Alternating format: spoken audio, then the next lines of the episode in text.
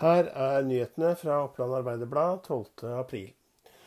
Over halvparten av de spurte i to nye undersøkelser sier at de vil laste ned Folkehelseinstituttets nye korona-app. Den skal etter planen være klar over påske.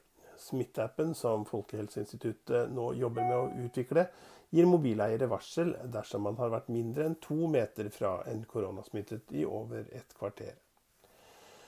Etter påske starter åpningen av samfunnet igjen. 50 000 barn og unge har, så, har hatt eh, fjernundervisning og digitale skolehverdager noen uker nå.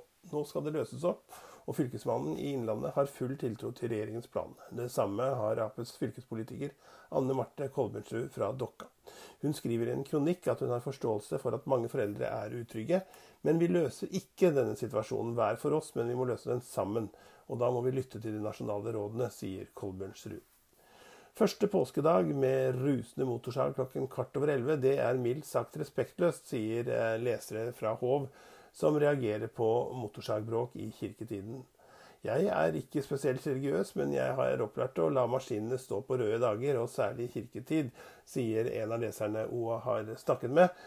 Og OA spør i dag leserne på oa.no hva som er innafor og utafor i forhold til eh, helligdagsfred. Den nybakte lottomillionæren fra Østre Toten trodde det var tull da Norsk Tipping ringte på påskeaften. Fem personer over hele landet fikk 3,8 millioner kroner hver inn på konto påskeaften. En gevinst vi skulle tro smaker ekstra godt i disse tider. Blant de heldige var altså en totning. Dette var noen av nyhetene du finner på Oppland Arbeiderblad i dag. Stina Håkensbakken Roland er snart tilbake igjen. Dette er Erik Sønstli som ønsker deg fortsatt god aprildag.